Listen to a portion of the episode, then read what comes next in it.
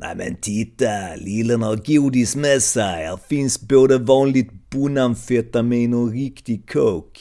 Hur vet du det? frågar jag nyfiket. Det syns på färgen. Jaha du, säger jag. Jag tyckte alla påsarna såg likadana ut, men det är klart, jag rörde mig inte i lika sofistikerade kretsar som mina gäster.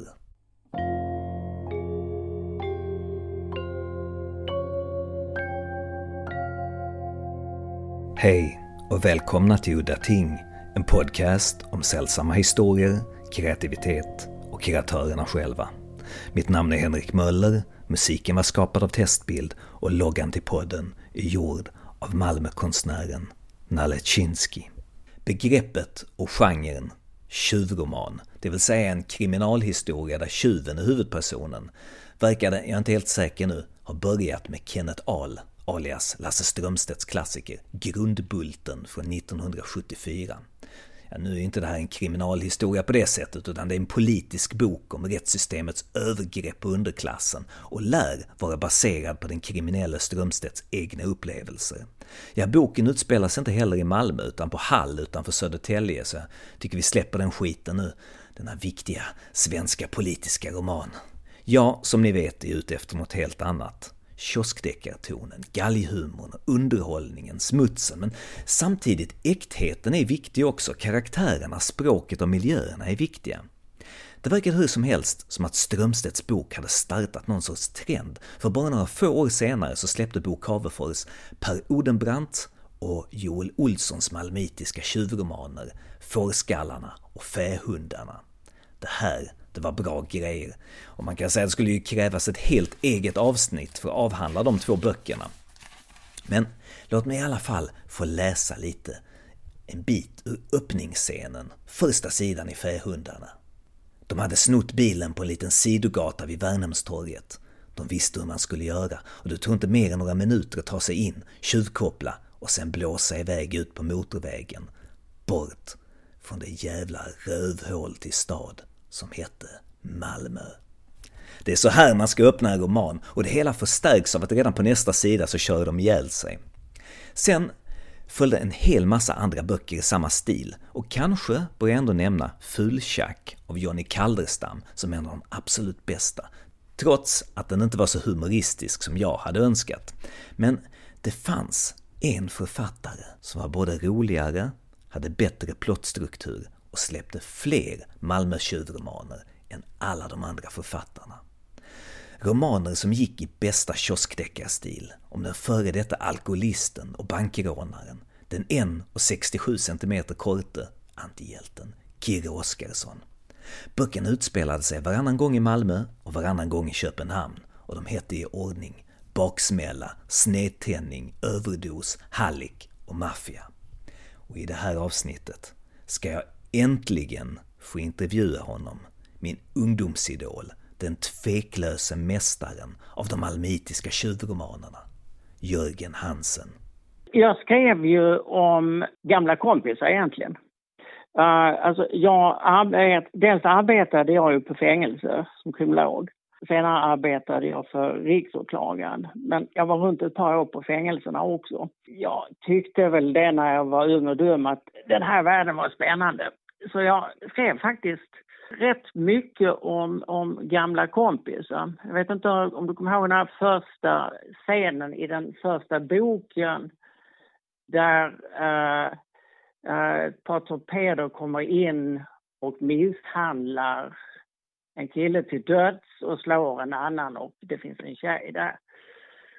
Och där känner jag faktiskt två av dem som befann sig i det rummet. Och en tredje har jag träffat.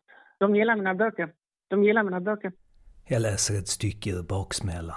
Det är den första boken, första kapitlet. Dagen började bra.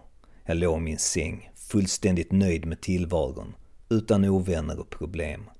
När väckarklockan ringde var jag långt borta i en behaglig dröm tillsammans med en flaska skivas. Mer än så begär jag inte av livet. Jag ignorerade den ilskna ringningen så länge jag kunde men när flaskan började tona bort gav jag upp och öppnade ögonen.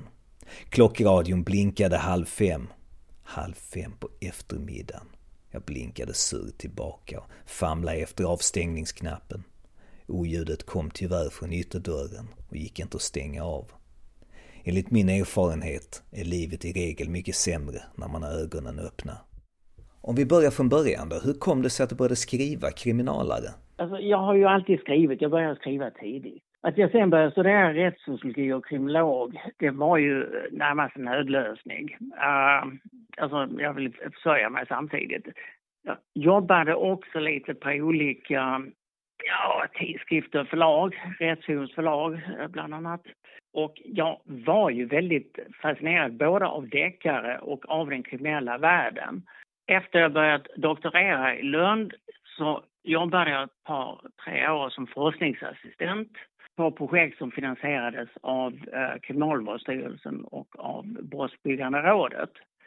Alltså vi åkte runt till samtliga riksanstalter i Sverige och intervjuade våldsbrottslingar och även andra eh, brottslingar, det, det handlade mycket om våld. Och då var det rätt så naturligt att sen omsätta eh, de här eh, anekdoterna i, eller anekdoter, de här människorna, i mina böcker. Kan du beskriva lite grann hur en sån här intervju såg ut? Vi gjorde uh, ostrukturerade djupintervjuer. Och det består av att du sätter dig med en intervjuperson, alltså en kriminell, i ett rum uh, och pratar med honom två, tre timmar. Alltså du har ju vissa teman som du vill, uh, vill ha fram men du har inte strukturerade frågor utan du låter intervjun löpa. Uh, och sen uh, röker du väldigt många cigaretter med grabben och försöker få kontakt med honom, lära känna honom. Uh, och sen använder man sen det här materialet uh, för en kvalitativ studie. Och temat på de här studierna var våld på anstalter och våld utanför anstalter. Och just av den anledningen blev det väldigt mycket våldsbrottslingar. Det var en studie som eh, Kriminalvårdsstyrelsen eh, eh finansierade för att de ville på något sätt minska våldsincidenterna på fängelser. Uh, eh, och en av rekommendationerna som vi gjorde, eller som min handledare Malin Åkerström gjorde, var ju att man skulle skilja eh, sexualbrottslingarna från den allmänna populationen, vilket också gjordes efter detta. Eh, för de var ju naturligtvis väldigt, väldigt utsatta. Och efter den här studien så försökte man sätta alla sexualbrottslingar eh, på Kristianstadsanstalten. Det finns en hierarki på ett fängelse. Överst på hierarkin har du organiserade kriminella, grovt narkotikabrott, Sen där under kommer då typ bankrånare och så vidare.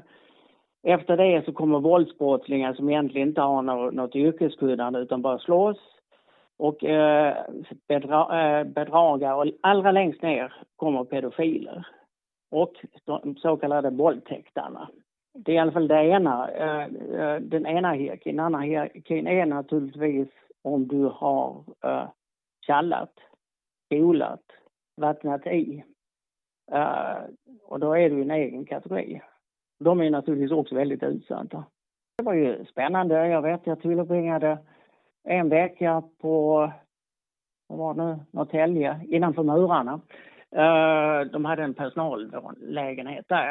Uh, men sen var vi runt på, ja, på Kumla, på Hall och Norrköping och så vidare.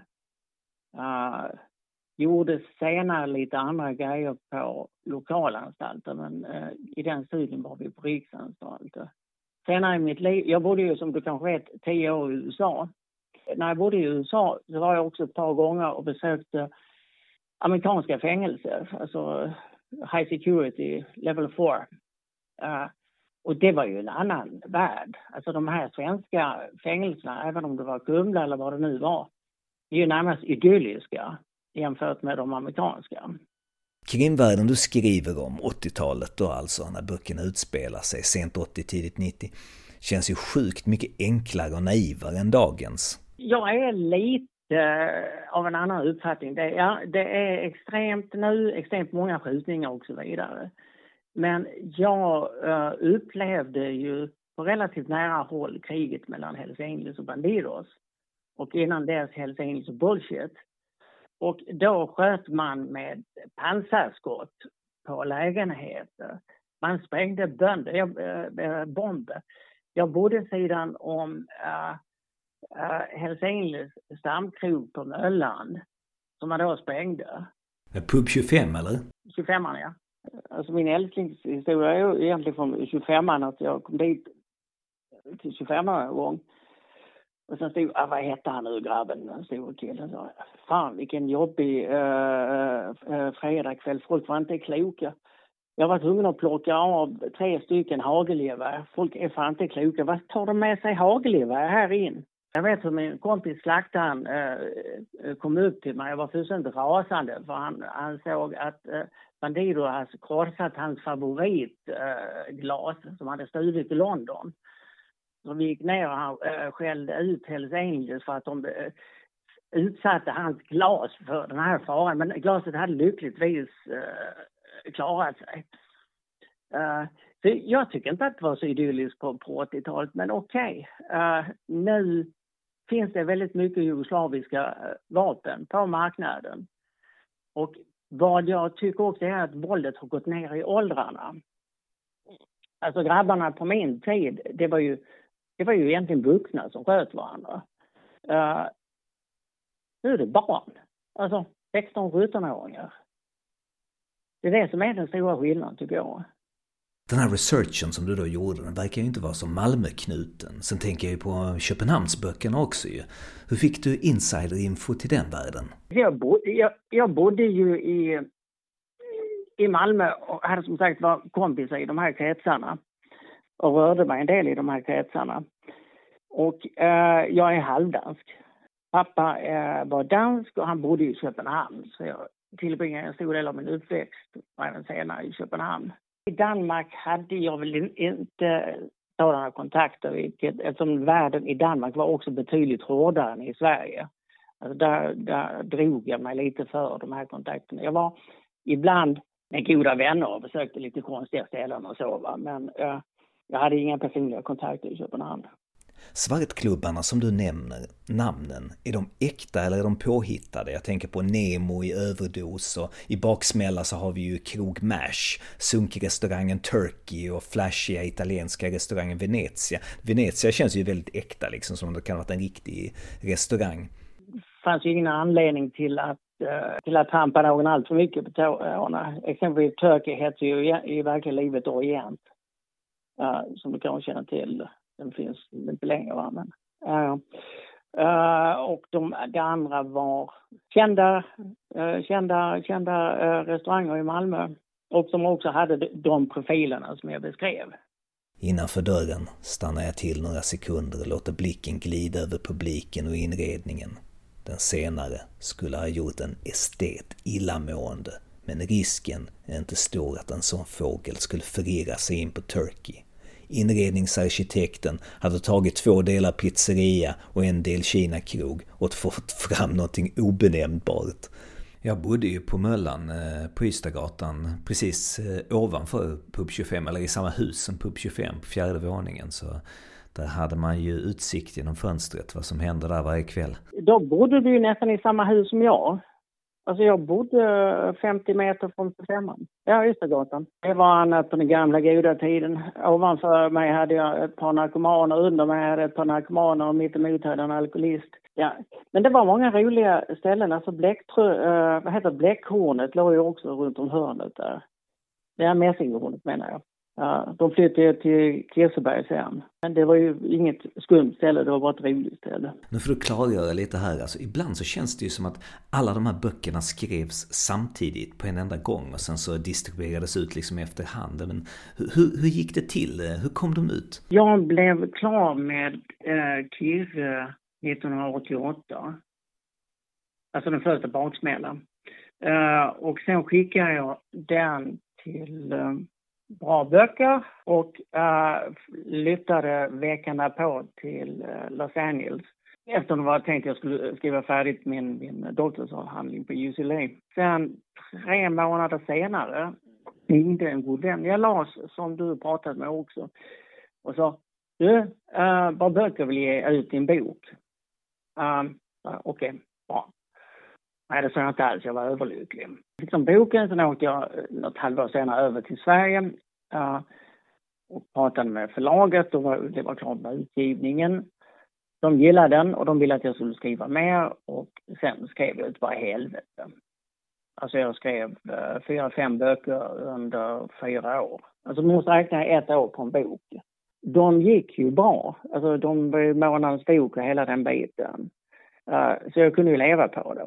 Och jag var kvar i USA och skrev då från USA, skickade till förlaget, var inne i, hemma i Sverige kanske ett par, tre gånger om året, var också på bokmässan ett par gånger. Vilket den första gången var något av det mest ohyggliga jag varit med om. Bara böcker hade just kommit ut med nationaldanskluderingen och hade stora scenen. Och jag var inplacerad mellan, jag tror det var Jan Myrdal, men Jan Guillou och Jan Myrdal. Och, uh, så det var massvis med folk framför scenen. Inte på grund av att de ville titta på mig, va? utan på att de kunde titta på uh, uh, Jan Guillou och Jan Myrdal. Och jag var naturligtvis väldigt, väldigt nervös. Så jag gick upp då på scenen och uh, Janne sa att jag var fullständigt vid. Han sa, det är okej okay, grabben, det är okej okay, grabben, ingen fara, det klarar du, det fixar du. Satt mig då och uh, moderatorn var Mikael Larsson.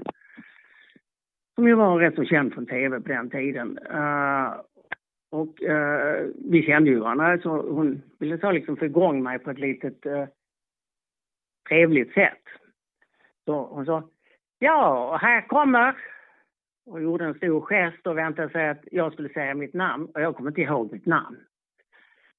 Jag var fullständigt blank. Så det blev en pinsam tystnad där och då sa Mikael, du heter Jörgen Hansen. Ja, just det, Jörgen Hansen. Um, um, ja. Senare har jag väl tappat nervositeten, men den här första gången, det var fasansfullt.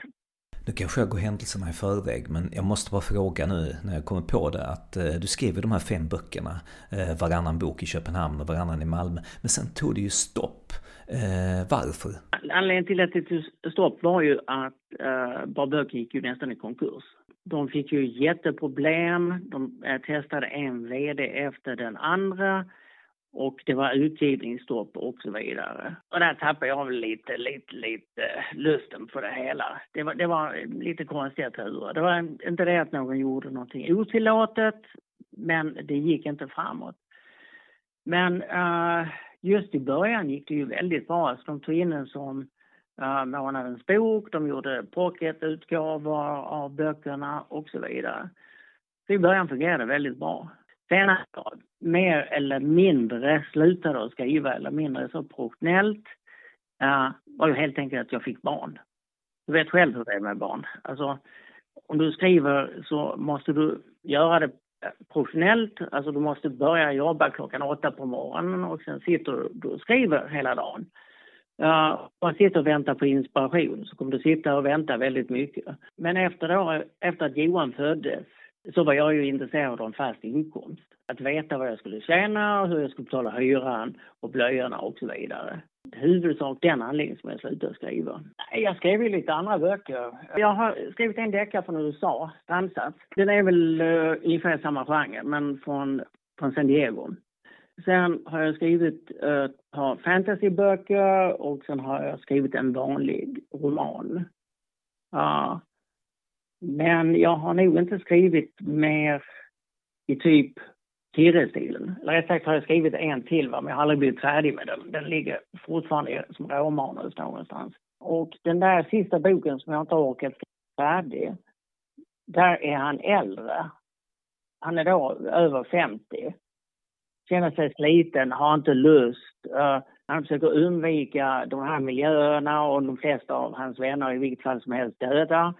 Uh, och sen kommer han in i, i de här situationerna igen där han drivs upp till den han egentligen är. Alltså, jag försökte ju också skriva lite screenplays och så vidare, va? men det, det, var inte min värld. Va? Jag var inte bra på det. Jag skrev ju också faktiskt ett par pjäser. Men där upptäckte jag ju faktiskt att jag hatar skådespelare. Ja, det är extroverta jävlar. Eh, författaren är en sån här introvert typ och så måste man sitta eh, tre veckor i i, Stockholm och jobbar med pjäsen tillsammans med människor som sticker in huvudet i kylskåpet klockan sju på morgonen och håller en monolog med grönsakerna. Äh. Sen är jag ganska nördigt intresserad av så struktur och arbetsmetod. Hur jobbade du på den tiden när du skrev de här böckerna? Alltså, jag var ju väldigt disciplinerad. Alltså jag gick verkligen upp klockan sju på morgonen och klockan åtta satt jag mig framför datorn.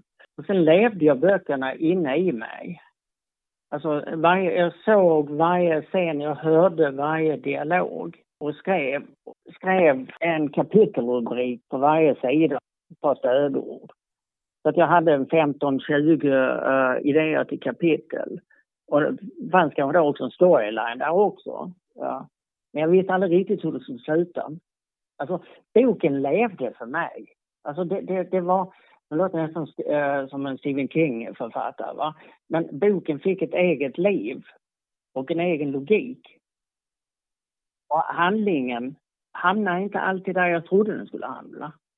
Och skrev och skrev tills jag hade ett råmanus som då var två, tre gånger så stort som den slutgiltiga boken. Och då, sen började jag stryka. Jag menar, det var den här omarbetningen som tog mer tid än råmanuset. Uh, ehm, dels att man skriver och sen när man jobbar med det så märker man vilka kapitel fungerar inte så skriver du om kapitlet. Så slutprodukten är inte alls särskilt lik den första råmanuset. Och det är faktiskt så enligt mitt tycke nästan varje mening blir bättre om man stryker ett par ord i den. Det är inte min idé, det är ju Ezra Pound, det var så han lärde Hemingway skriva. Uh, stryk för helvete, stryk. Uh, Hemingways första, uh, första försök var tydligen väldigt mångordiga. Väldigt mycket adjektiv och prylar. Och Ezra Pound höll på med sin rödpenna och strök och strök och strök. Repliker har jag nog aldrig lånat. Jag har lånat människor. Men eh, inte, inte repliker. Det är kanske väldigt många sådana här samtal som jag har varit med om, som jag har hört och så vidare. Va? Men jag har nog aldrig skrivit direkt vad någon har, har sagt. Jag är inte heller så säker på att, att min dialog verkligen är så som killarna pratar. Alltså det, det, det där är en... Ja, nej, nej så realistiskt tycker jag inte att det är. Va? Alltså, alltså rent. Jag tycker en del av mina, en del av mina eh, karaktärer är rätt så realistiska men jag tror egentligen inte att dialogen är så realistisk. Alltså, det, det, finns ju en del väldigt bra svenska deckare men det finns också mycket som jag blir fullständigt sjösjuk av när jag försöker läsa. Och det är just det här pretentiösa. Alltså det, det, det, det när man läser dialogerna där, det, det liksom, man får inte någon känsla av att det, det är verkliga människor bakom det. Och de flesta skriver för mycket, de stryker inte. Alltså det är Stephen King-syndromet. Stephen King skulle kunna vara en väldigt bra författare om han inte hade fått sin första eh, bok utgiven utan några eh, korrekturer. Om han hade strukit ner alla sina böcker med 40 procent så hade de kunnat vara riktigt bra om man nu gillar genren eller inte. Va? Och samma sak med Mankell. Mankell hade varit mycket bättre författare om han hade strukit 100 sidor i varje, sin bok, i varje bok. Ja, men det, det är också så att det, det där med att skriva, det blir som en sjukdom. Alltså det, det, det, det blir ett beroende. Ett jävligt kul beroende. Det är roligt om man, man skapar något. man säger att nu blir jag riktigt sugen att börja skriva igen, det är ditt fel. På sidan 103 i baksmälla så talas det om gentrifieringen av Möllan, Falsterboplan, Jesusparken specifikt. Jag tänkte att du är rätt tidig på det här alltså. Eh, det, hur såg det ut då? Hur kände du liksom, alltså idag är det ju eh, som natt och dag. Oh ja. Alltså det, det, det, det var ju också lite då att uh, redan på 80-talet så började det dyka upp lite konstnärer och journalister och prylar. Va? Eh, som flyttade in i, i de, de bättre lägena för det ligger ju en del väldigt fina hus runt omkring på Möllan. Eh, och eh, det var ju inte riktigt populärt. Alltså jag hade ett bra förhållande till, till, eh, till knarkarna i min, i min uppgång. Va? Uh, det var bara någon enstaka gång jag var tvungen att ringa polisen. Uh, men de tyckte nog att jag var lite konstig. Uh, och, det, och det är ju inte bara Möllan, utan vi har ju samma utveckling på Kirseberg exempelvis. Alltså på 80-talet var ju eh, Kirseberg genuint arbetarklass. Um, jag har en kompis som hade en lägenhet på, på Kirseberg och som var tvungna att ge bort den till bostadsrättsföreningen för han kunde inte hitta någon som ville köpa den ens för 10 000 kronor. Uh, jag tror inte att du hittar någon lägenhet på Kirseberg för 10 000 idag. Det är helt andra kategorier som bor där nu. Tänkte vi kan prata lite om din antihjälte, Kir Oskarsson. Hur, hur kom han till liksom? Var han baserad på någon? Nej, jag tänkte, alltså jag hade någon för ögonen när jag skrev om honom. Men bara utseendemässigt, inte, inte som karaktär. Alltså nu, nu eftersom Kirre ju faktiskt är psykopat, va? Det lustiga med Kirre det är ju att han tror ju att han är en trevlig och ofarlig människa. Men alla som kommer i kontakt med honom är ju faktiskt rädda för honom. För de vet att han är psykopat. Att det inte finns några gränser och att gränsen över till det här är väldigt snabb. Um, jag har känt en del sådana här människor, alltså både yrkesmässigt och eh, personligt. Och Kirre är väl en, en, en amalgam. Alltså han är, han är en, kommit ihop av flera människor som jag har träffat eller känt eller så. Uh, han har ju sina goda sidor också. Han har, han har ju ett, ett visst samvete och han skulle aldrig skjuta in på en pizzeria där riskerar att träffa någon, någon annan. Va? Men det ska nog väldigt lite till för att han ska skjuta. När man läser böckerna att ens uppfattning om Kirre skulle förändras under loppet av boken. Alltså i början att man tror på vad han då påstår att han egentligen är så snäll och trevlig och försöker undvika eh, bråk och sen att man mot slutet tänker herregud, han är inte klok. Jag tänkte en del på eh, slangen i boken. Kirre. Kirre är väl mer så Stockholmsslang. Det kan man väl inte heta i Malmö? Jag hade en kompis som hette Erik som kallades Kirre, som var skåning, ja. Överdos är ju en av mina absoluta favoriter. Jag väljer mellan den första boken och Baksmälla och Överdos, vilken som är bäst. Men har du någon anekdot, när du pratat lite om Baksmälla, men har du någon anekdot kring Överdos som är värd att nämna? I Överdos finns det ett par människor som är verkliga. Alltså de här organiserade brottslingarna. Det är ju de som en gång i tiden kallas LP-miljonärerna, Assassons. Assassons uh, eh, kom från Ystad, höll på med lite skumma affärer. Uh, bland annat de sålde begagnade bilar.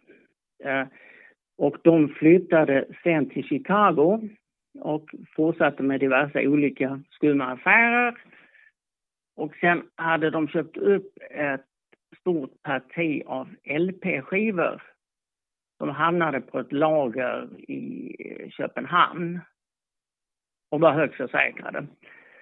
Och då eh, importerade de en, en grov brottsling som tillhörde Chicagos maffia, alltså den italienska maffian, eh, som flög till Köpenhamn och brände lagret. Nu blev det som så att de, man kunde bevisa att det var Assassons och de satt faktiskt häktade längre än någon annan människa har gjort i Sverige. Och uh, jag pratade med, eh, med riksåklagarens uh, ställföreträdande uh, i det här sambandet att den som har utfört själva branden ville göra en, en i USA och ville då att de svenska myndigheterna skrev under på det. Och eh, Hagel sa att det kunde vi inte göra, det fanns ju inte i Sverige den här konstruktionen. Men i vilket fall som helst, de fick ju fängelse för det här. Och eh, sen kom de ut och de har fortsatt med sin karriär. Och jag kände den yngre brodern lite. Deras barn fortsatte också med de här skumma affärerna de kom ihop sig med Hells Angels och det var en massa turer fram och tillbaka. Men de är väldigt, eh, de är så pass, uh, så pass realistiskt skildrade att efter Överdos kom ut, blev uppringd eh, uh, från en journalist som höll på och skrev en bok just om den här saken. Alltså, och undrade uh, om uh, jag hade liksom lite inside information. Med mig. Så vi gjorde en intervju. Men jag hade ju liksom ingenting som han inte redan visste. Men hur mycket ändrade du i boken sen? Eller är du bara porträtterar dem rätt upp och ner som det var? Det är mer eller mindre som det var, ja. Den sista boken i serien, Mafia, det är ju tyvärr den minst bra boken ju och den skiljer sig rätt mycket från de andra böckerna. Det är ju många som har påpekat detta. Eh, och eh, den känns ju lite grann faktiskt som en sorts Hollywoodfilm med den här kvinnliga lönnmördarlivvakten och sånt här. Det känns lite grann som att du eh, försökte skriva någonting mer kommersiellt, vad man ska säga. Något lite Hollywoodaktigt. Alltså om jag nu ska vara ärlig, alltså, det, det, jag hade kanske tappat lite eh, lite drivet där också. Men det var faktiskt så att jag hade vissa kontakter med Touchstone på sådana här eh, möten där man försöker sälja sina idéer. De kom med idéer vad de gillade och vad de inte gillade med mina böcker. Ja, alltså det, det skulle vara en, uh, uh, dels en, en, en, någon kvinnlig uh, person där som var, var tydlig. Dels att det skulle vara ren, eh, någonting man kunde använda till actionscener. Uh, det blev aldrig någonting va, men uh, de berättade ju vad de gillade och så va, så lite styrt var det nog. Jag var ju också där i kontakt med, uh, vad heter han? Den svenska, den svenska regissör, Stefan, vad heter han? Stefan Olofsson. Ja, det är så länge sedan. Som också vill filmatisera dem. Men film är så satans dyrt att det pratas och pratas och pratas men det blir sällan någonting. Ja, det vet du kanske bättre än jag. jag, jag om jag skulle vara helt ärlig, va? jag gillar den inte. Jag tycker bättre, de andra böckerna bättre och den bästa är Överdos. Det är den enda jag är riktigt nöjd med. Sen måste jag tyvärr nämna att omslagen är sjukt fula. Ja, framförallt de två första. Va? Uh, och där hamnar jag i stort gräl med, uh, med bra böcker. Eh, uh, för uh, eh, överdos, det första omslaget till eh, överdos var också en naken tjej. Va? så jag vill inte ha fler nakna tjejer på böckerna. Jag har sagt vad jag tycker om de här två första, jag vill inte ha det. Jag vill inte, vill inte, jag vill inte. Men sen äh, blir ju inte den här sådär jättelyckad den heller. Va? Det här begreppet och genren Malmö-tjuvroman verkar ju ha funnits innan du kom på scenen. Var du medveten om det och hade du läst några av de andra författarna i genren och kanske träffat dem? Jag hade läst ett par, exempelvis Nina och Sundet, som jag tyckte var väldigt bra. Senare kom det ju en del andra uh, som var bättre, Lönéus exempelvis. Olle, Olle Lönéus, som har skrivit en, han är journalist på Sydsvenskan, men han har skrivit en serie deckare över, uh, över kriminella i Malmö. Han skriver väldigt, väldigt bra. Hur ser du på Lasse Strömstedt och eh, grundbulten i hela det här sammanhanget? Alltså Strömstedt, jag har faktiskt träffat uh, Strömstedt, uh, trevlig kille. Jag gjorde en intervju med honom 1978, något i den stilen. Men hans böcker är ju lite annorlunda. Det är också den här tjuvromanen. Men det är ju mer i typ, ja, vad ska man säga, jolomässigt, alltså det här roliga. Den som var min stora skandinaviska förebild var ju Dan Turell uh, eh, i Köpenhamn. Uh, och Dan har jag också träffat. Uh, han är ju tyvärr död nu så många år, men han var ju en fantastisk författare. Med just det här knappa, hårdkokta. Han hade ju samma förebilder som jag, alltså Hammett, Chandler och så vidare. Jag var nog mer påverkad av amerikanerna än av svenskar. Avslutningsvis skulle jag vilja läsa ett litet stycke ur Jörgen Hansens Baksmälla när det blir fest. Spritfest. När jag öppnade vardagsrumsdörren så hörde jag hur de gormade. Jävlar i helvete satan! skrek Tommy i falsett. Problem, undrar jag medan jag försiktigt gick in i vardagsrummet. Fulkäk, svarade Janne lugnare än Tommy, men med besvikelsen hos ett barn som just upptäckte innehållet i hans godispåse kom från Buttericks. Skiten är så utspädd så man känner inte någonting. Hur mycket har ni? Två påsar. Två påsar amfetamin på tre. Inte ens en nyfödd skulle känna av den dosen idag så utspädd som skiten är. Det var inte mitt problem så jag satte ner glasen på bordet och sa Så kan det gå, bort med kanylen gubbar, nu super vi. Tommy fortsatte att muttra men plockade åtminstone fram de båda helorna de hade haft med sig. Jag var på dem som en hök. Sekunderna efter att flaskorna hade kommit fram hade jag ett dricksglas med lika delar brännvin och Coca-Cola i handen. Spriten rann som sammet genom halsen och lade sig som bomull i magen. Som genom ett trollslag försvann de sura uppstötningarna, huvudvärken och ångesten bort till de avgrunder där de hade kommit ifrån. Världens bästa medicin botar alla sjukdomar inklusive cancer, åtminstone för stunden. Ja, och med de orden så var det slut för den här gången. Mitt namn var Henrik Möller, musiken var skapad av Testbild. Hej då!